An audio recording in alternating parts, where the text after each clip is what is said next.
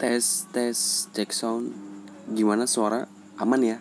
Oke kita mulai Assalamualaikum warahmatullahi wabarakatuh Ya uh, Pada kesempatan kali ini Kita akan membahas Kita akan sharing-sharing terkait dengan uh, Vicky Muamalah ya.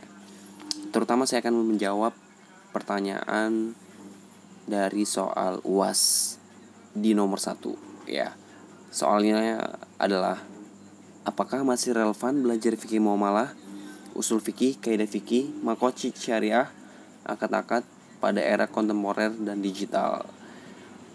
Um, jawabannya sangat jelas sekali uh, relevan ya, karena kalau kita sebagai seorang muslim ya semestinya kita mempelajari itu secara kafa ya secara menyeluruh gitu kan. Nggak mengenal zaman nggak mengenal waktu gitu kan untuk uh, merealisasikan terkait dengan ajaran-ajaran agama Islam gitu. Terutama di bidang uh, fikih muamalah gitu kan. Nah apalagi di bidang apalagi di era digital sekarang kan. Dan ya kita tahu bahwasannya ada transaksi-transaksi ataupun jual beli yang nggak ada di zaman Rasulullah gitu. Nah contoh kasusnya seperti uh, jual beli online.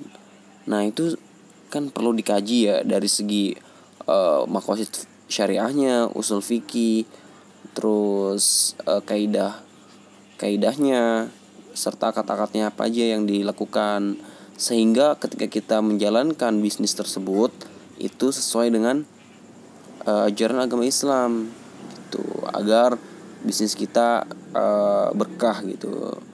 Terutama kita sebagai seorang muslim harus wajib ya uh, menggunakan prinsip-prinsip uh, syariah gitu.